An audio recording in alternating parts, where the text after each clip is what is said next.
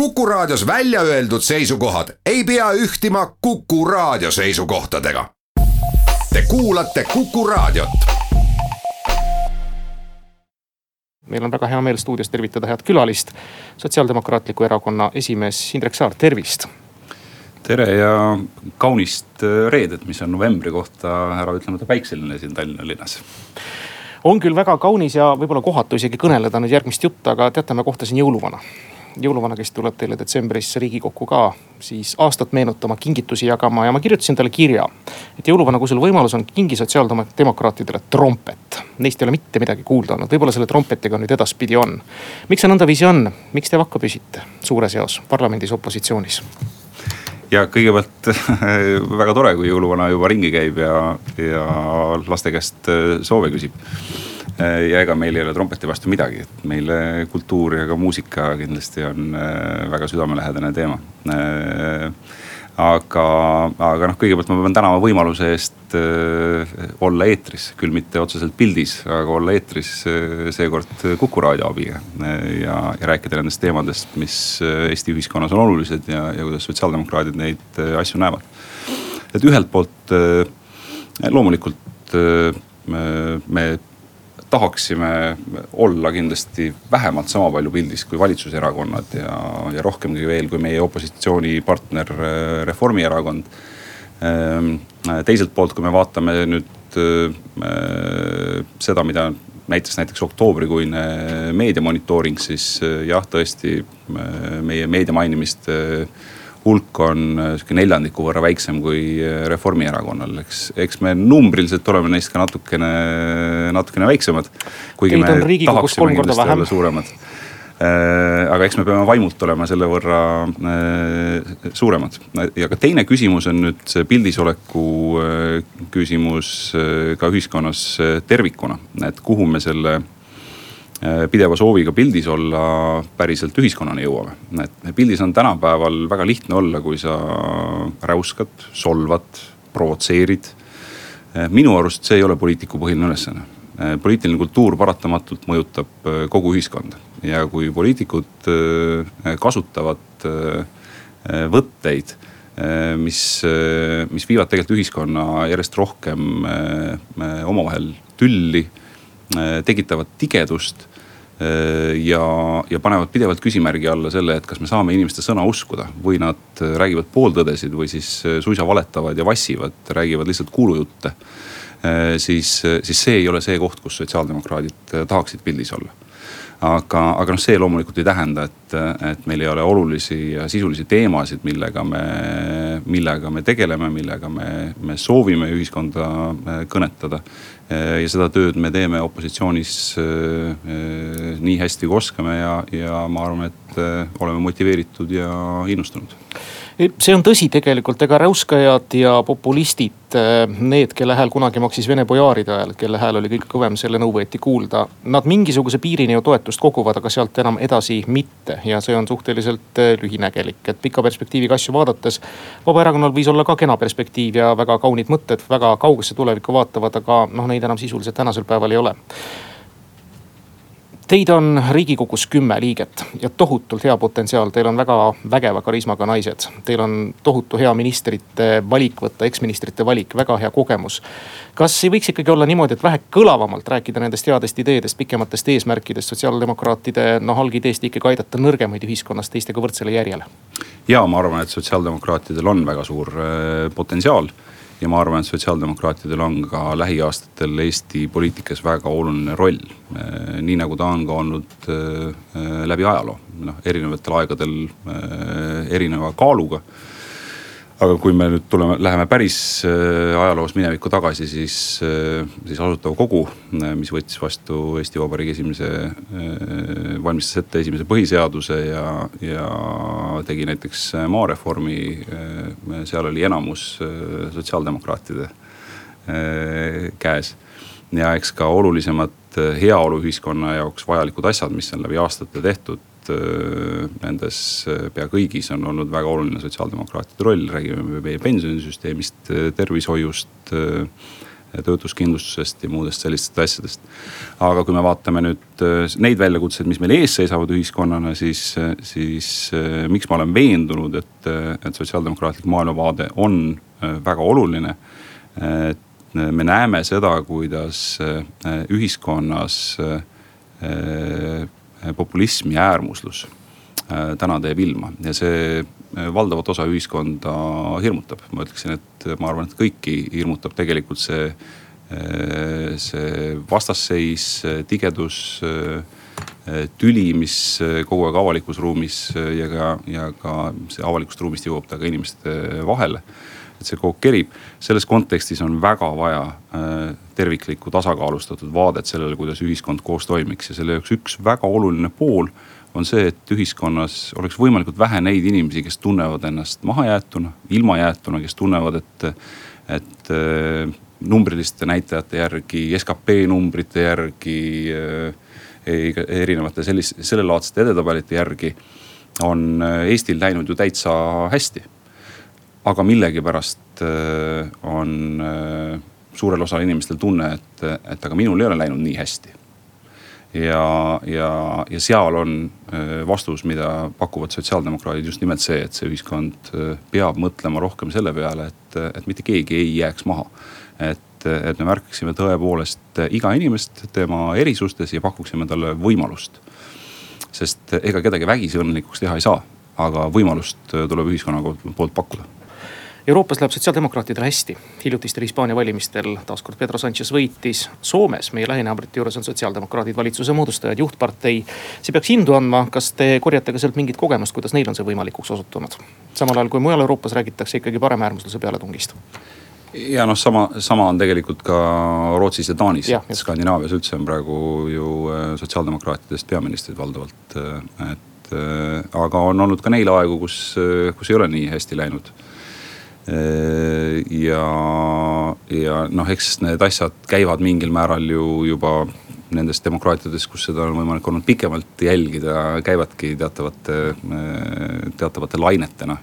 kuidas kuskil noh, tavaliselt äh, meie oleme üsna palju mõjutatud Skandinaaviast, nii et äh, Eesti sotsiaaldemokraadina ma loodan, et see on hea märk äh, Eesti sotsiaaldemokraatide jaoks ka, äh, ka toetuse mõttes, aga, aga ma arvan, et meil on kõigil ühine mure, kui me Euroopas laiemalt ringi vaatame, on seesama äärmusluse tõus, populismi kasv. ega need, need võtted, millega pannakse Äh, üleüldse igasuguse, igasugune tõde küsimärgi alla. Äh, ja, ja kuidas äh, rünnatakse institutsioone, kuidas tekitatakse vastuolusid. Et eks need võtted on ju igal pool üsna sarnased, me näeme ka Eesti, Eesti puhul seda, et Eesti populistid täpselt samamoodi sellest samast õpikust loevad ja, ja asju teevad ja head rohtu selle jaoks mis päriselt selle probleemi oleks kuskil suutnud ära lahendada, ei ole. Äh, ma arvan, et äh, me peame kõik varuma kannatust, me peame olema äh, valmis rohkem kui varem nendest teemadest ühiskonnas rääkima, arutama selle jaoks, et näha nende, nende asjade taha, näha nende hirmude taha ja neid hirmusid kõnetada ja nagu ma juba enne, enne pausi ka ütlesin.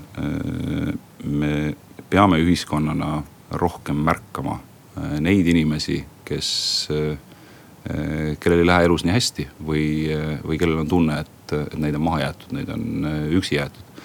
see on kindlasti üks nendest muredest, mis meil kaasaja ühiskonnas ja heaoluühiskonnas on. et, et me ei, ei võta piisavalt aega, et, et märgata. Ja see on, see on koht, kus sotsiaaldemokraadid saavad pakkuda oma nägemust. Kas ja kui palju nüüd tänases seisus võiks olla, noh tänases seisus, kui teie reiting tegelikult ju viimati tõusis, see on nüüd üheteistkümne peal, aga ta vahepeal seal kõikus alla kümne tublisti. Ehm, palju nüüd see aasta kaks tuhat üheksateist valimistel mängis rolli see, et väga ebasobival hetkel ilmnes kaks plagiaadipahandust. ja teine lugu see, et nüüd räägitakse ka üsna kõlavalt ja, ja vastaspoole pealt ka üsna mõnuga sellest, et sotsiaaldemokraadid on rahaliselt surnud ja pankrotis sisuliselt räägime sellest teisest poolest kõigepealt, kuidas see rahaline seis on? ega rahaline seis, pean ütlema, et Äh, on pingeline, aga on kontrolli all, et kahed valimised äh, selja taga äh, oli meie rahaline seis üsna kriitiline.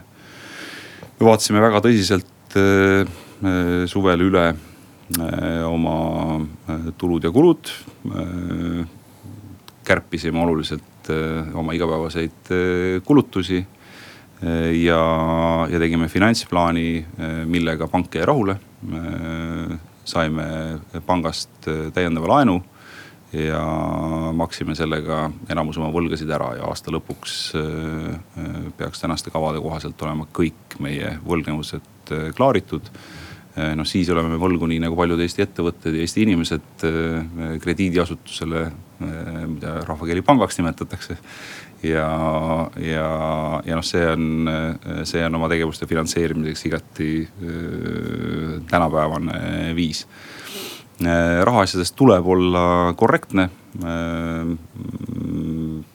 ja, ja me võta-, suhtume sellesse ülimalt äh, tõsiselt aga äh, mure sellepärast, et Sotsiaaldemokraatlik Erakond ei ole jätkusuutlik rahalises mõttes, äh, on kindlasti ülepaisutatud. Äh, seda muret meil tänaseks kindlasti ei ole, sotsiaaldemokraadid saavad oma kohustustega hakkama aga kui me nüüd korra minevikku vaatame, mm, need kaks plageerimisjuhtumit, kus üks häältemagnet kaotas ilmselt väga olulise osu valijatest tagant ära ja, ja teine lugu võib-olla siis ka mõningad persooni otsused, mis puudutasid valimisi, noh näiteks Eiki Nestor, miks oli vaja näiteks Tartumaale panna ja nii edasi. no ma ei tea, kas sellel üldse on mõtet peatuda sellel, võib-olla väikese nii-öelda mineviku õppetunnina.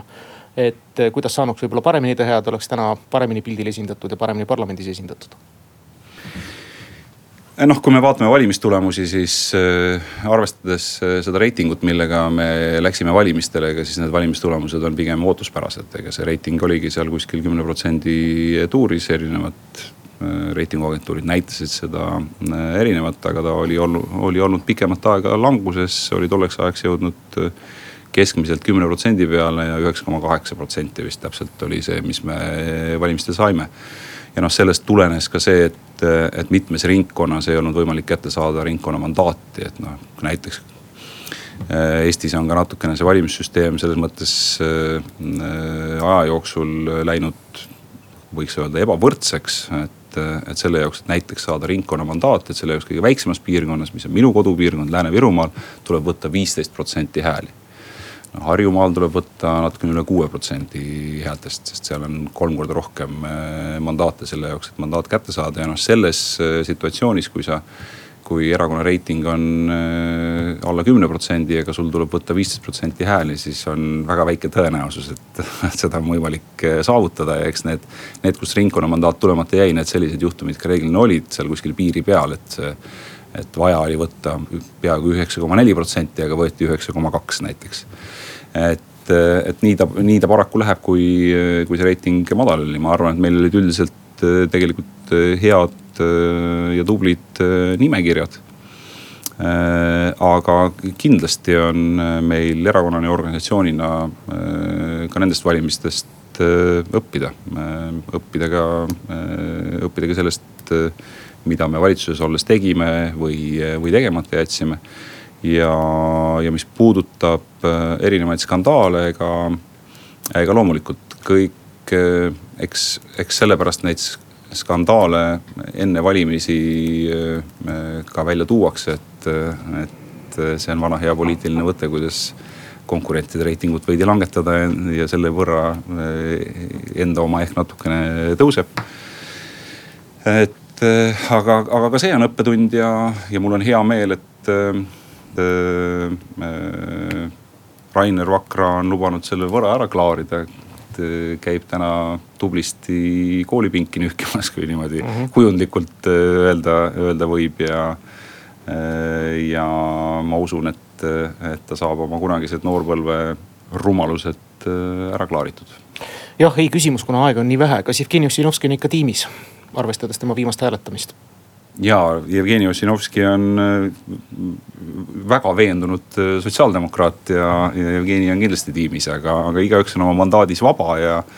ja noh, arvestades viimast hääletamist, siis me ju kõik äh, võisime ette, ette ennustada seda, et, et see ei ole mõne hääle küsimus, et kui, kui koalitsioon on otsustanud seda, seda teemat venitada, moodustades uurimiskomisjoni. et siis on selge, et, et et koalitsiooni poole pealt hääli ei tule ja seega ei ole võimalik viitekümmet ühte häält kokku saada niikuinii. Te kuulate saadet saateprinteriga setid täidab kassetiekspert.ee Kuku raadio saates on külas Indrek Saar, Sotsiaaldemokraatliku Erakonna esimees, ühtlasi ka fraktsiooni esimees parlamendis. Telefon stuudios kuus, kaks, üks, neli, kuus, neli, kuus, me ootame teie küsimusi. kommentaarid jätame mõneks muuks saate osaks, aga küsimused konkreetselt, tervist. Tervist. Indrek Saarele sihuke küsimus, et ta just rääkis siin Rootsist ja Taanist ja olen ka Rootsi asjadega enam-vähem kursis, seal sugulased elavad, et neil on nüüd ütlemine, et pagulase paradiisis elavad nad ja nad ei ole oma sotsidel üldse õnnelikud, noored tahavad ära minna. kõik tahavad nagu muutust, aga, aga ma ei tea, kas Indrek Saar saab sellest aru või arvab ta, et ikka kõik on õigesti, aitäh. Ja aitäh küsijale, et noh see, mis puudutab nüüd immigratsiooni küsimust, selles mõttes muidugi Eesti ja Rootsi olukord on kardinaalselt äh, erinev. et kui me, kui me vaatame äh, Eesti immigratsioonipoliitikat, siis see on olnud väga range läbi aastate ja ma ei ole ka kuulnud, et Eestis oleks ühtegi äh, poliitilist äh, jõudu täna näiteks parlamendiparteidest, kes, kes arvaks, et et Eesti peaks hakkama kuidagi massiimmigratsiooni soodustama. et selles mõttes Eesti ja Rootsi olukorrad on erinevad. samal ajal, kui te väidate, et rootslased on väga rahulolematud Äh, oma sotsiaaldemokraatidega, siis äh, äh, lähem empiiriline uuring ei kinnita seda. Nendel on sotsiaaldemokraadist peaminister, järelikult ühiskond toetab seda, seda maailmanägemust, mis, mis, mida sotsiaaldemokraadid Rootsis pakuvad. aga jah, tõepoolest öelda, et ma olen Rootsi sisepoliitika ekspert, seda ma kindlasti ka, sellele ma kindlasti ei pretendeeri sotsiaaldemokraadid said, see tuleb kolmekümne ühe protsendi häältest viimati eelmisel aastal toimunud valimistel. kuulame järgmist helistajat, tervist. tere päevast, mul on väga hea meel, et äh, seltsimees Saar rääkis kuulujuttude levitamisest ja populismist äh,.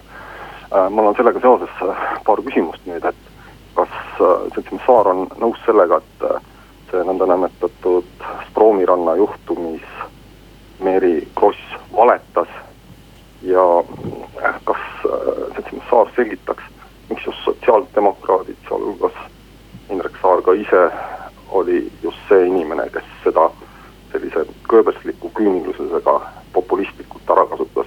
noh, tuletan kasvõi meelde äh, Saare artiklit Õhtulehes, rusikapoliitikaga tahetakse meie suud kinni lüüa sõna otseses mõttes. kas te äh, selgitaksite, miks, miks te ei küsinud oma sise, siseministri portfell oli teie käes, miks te ei küsinud nagu tema käest täpsemalt andmeid ja ja kas, kas teil nüüd on nagu põhjust vabandada või ei ole, et, et te ju levitasite valet ja kasutasite seda ära? aitäh helistamast, aga mitte kommenteerimast. ja tänan küsimuse eest. Ehm, eh, Mary Krossi eh, juhtum on midagi, mis teeb sügavalt kurvaks ja see, ja see ei tee kurvaks mitte ainult see juhtum, vaid teeb kurvaks tegelikult seesama tendents, millest ma saate esimeses pooles ka rääkisin. et selle jaoks, et saada pilti, kasutatakse pooltõdesid, tihtipeale levitatakse kuulujutte ja tihtipeale, nagu me oleme näinud, ka teadlikult vassitakse ja valetatakse. Ja ma arvan, et see on üks nendest tendentsidest, mille üle me peaksime kõik ühiskonnas muret tundma. Äh, mina omalt poolt võin öelda, et äh, jah, ma olin üks nendest heauskjatest, kes arvas, et kui, äh, kui lugupeetud inimene on sotsiaalmeedias väitnud, et selline asi tema tuttavaga juhtus.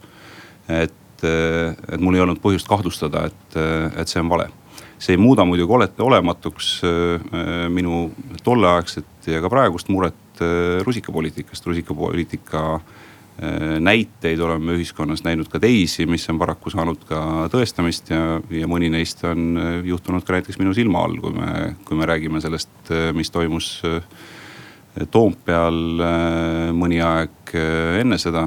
ehk siis situatsioon, kus kus äh, tuldi plakatitega, kus äh, oli üks minister äh, sümboolselt võlla tõmmatud ja, ja mindi ründama kujundlikult meie presidenti ja nii edasi.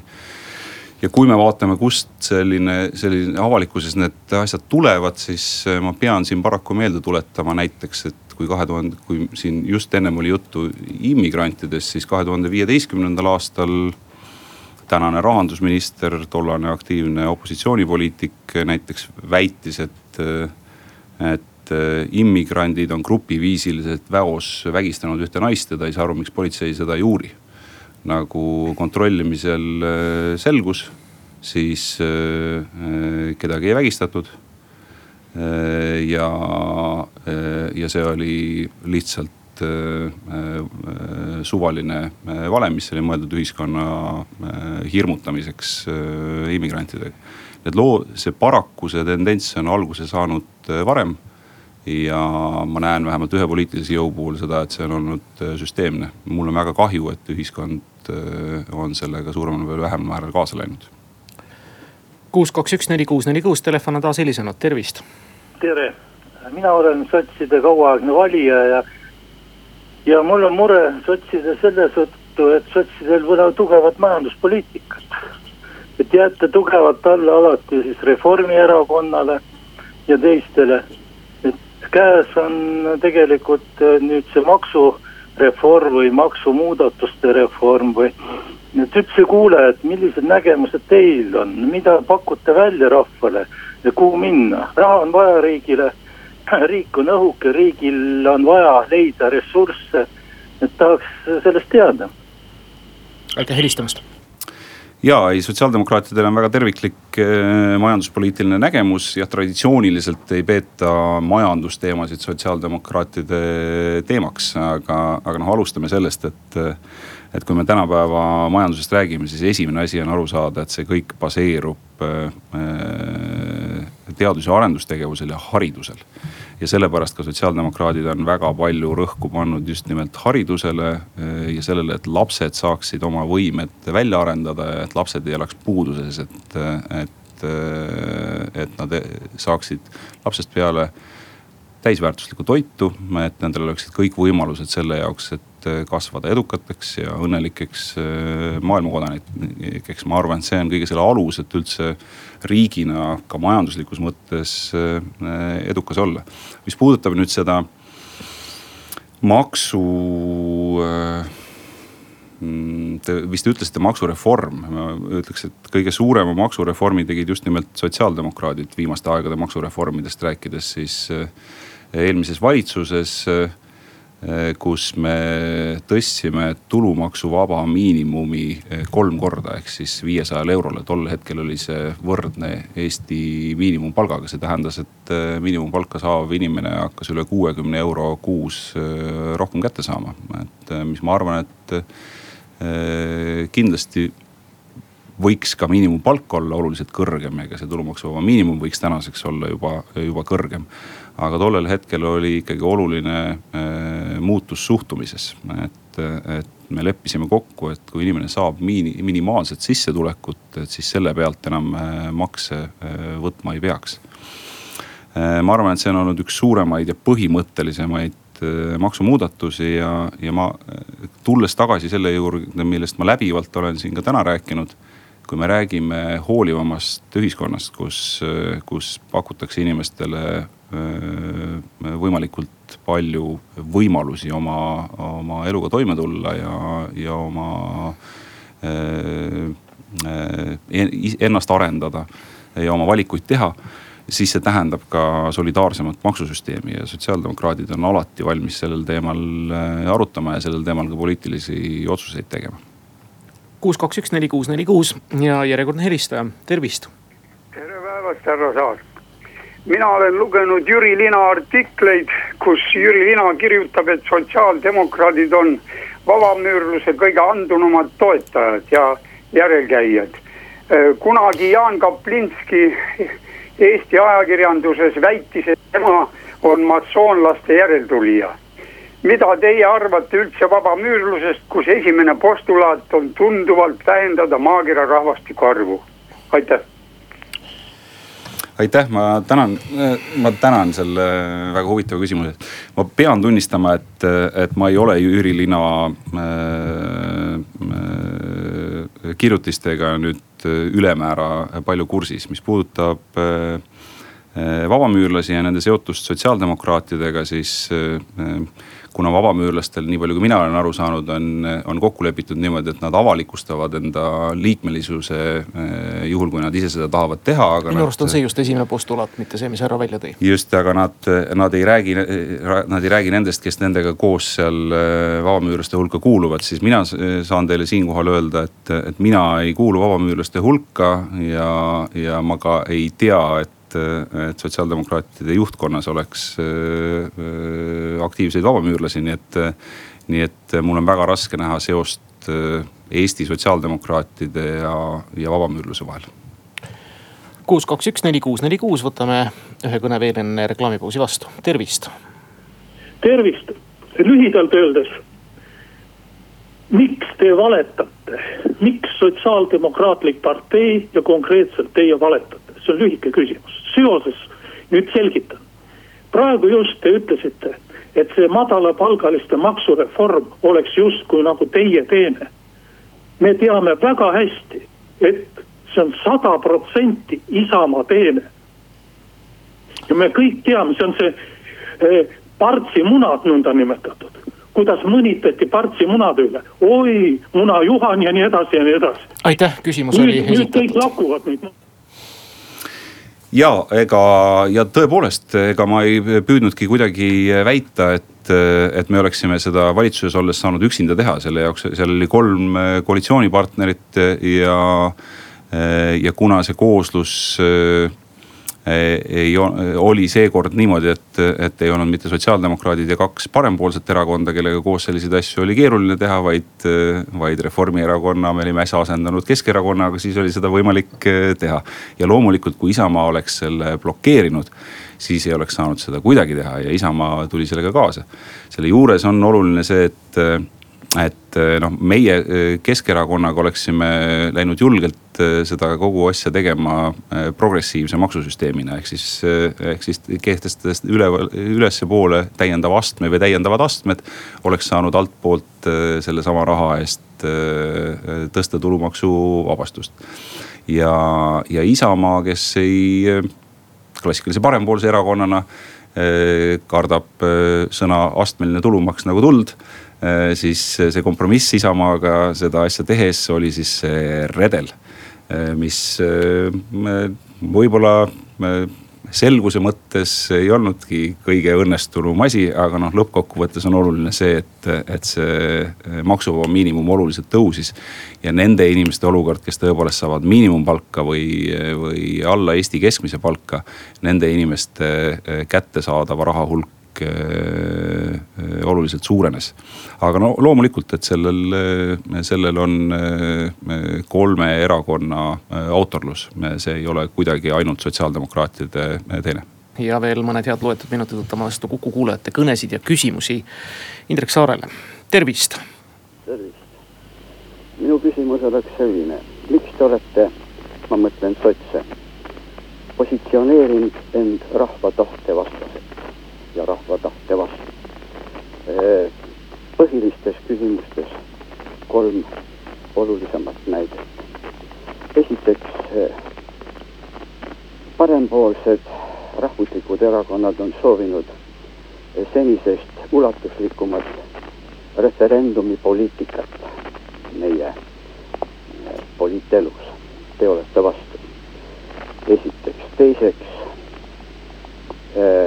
te võitlesite meeleheitlikult eh, rändeleppe poolt, kuigi me kõik teame ja ka väga, väga suur osa Eesti rahvast oli selle rändeleppe vastu.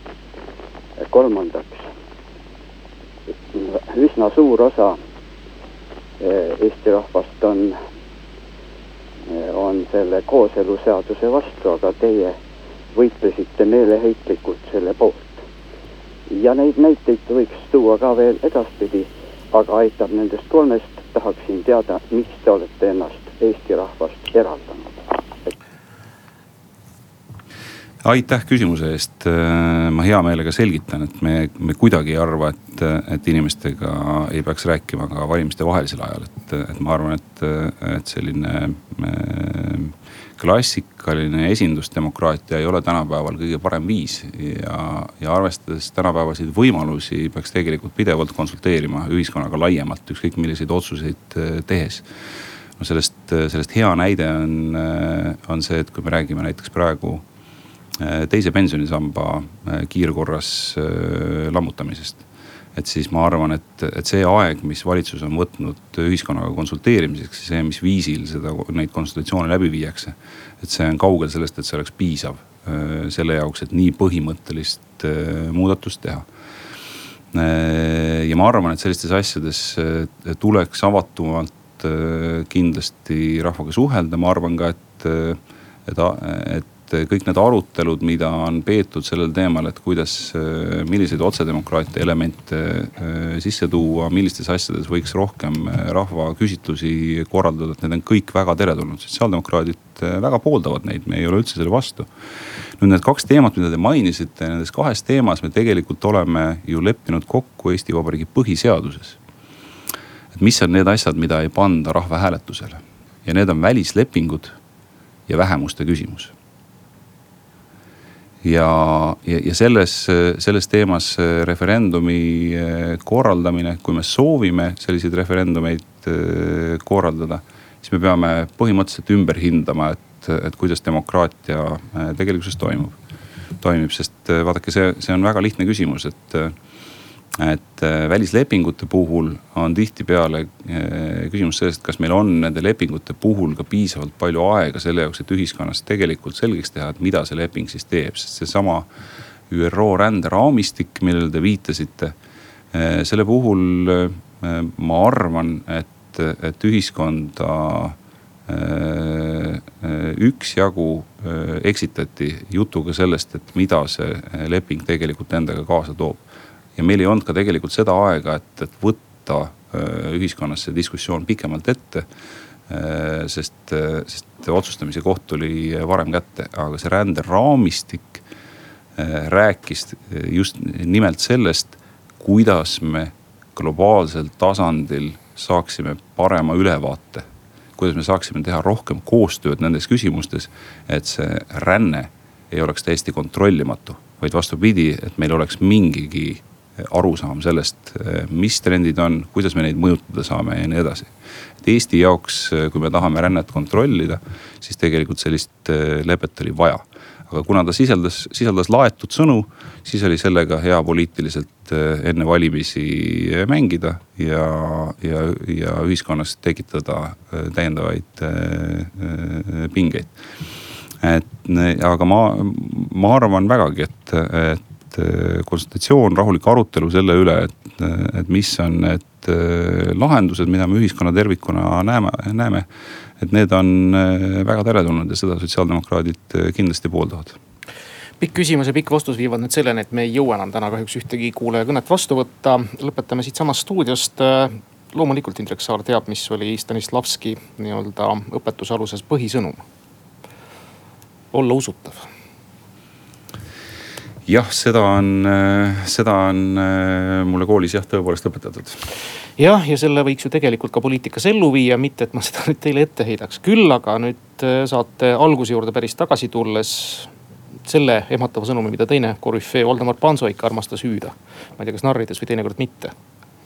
ei kuule lava peale ja ehmatada siis sellega õpilasi, nii et äh, võib-olla see võtta siis ikkagi aluseks jah, ma eh, võtan seda kriitikat eh, väga tõsiselt eh, ja anname omalt poolt parima, et, et oma rolli opositsioonis võimalikult hästi täita ja, ja teha tööd selle jaoks, et see nägemus sidusamast, harmoonilisemast ja õnnelikumast ühiskonnast, mida sotsiaaldemokraadid pakuvad, et see ka samm-sammult ühiskonnas ka päriselt lähemale jõuaks ja selle jaoks teeme tööd maksimaalselt opositsioonis ja oleme valmis äh, ka õigel ajal kandma valitsusvastutust. aitäh, Indrek Saar tänast saatesse tulemast, soovime teile edu, jõudu ja. aitäh kutsumast ja oldagu lahked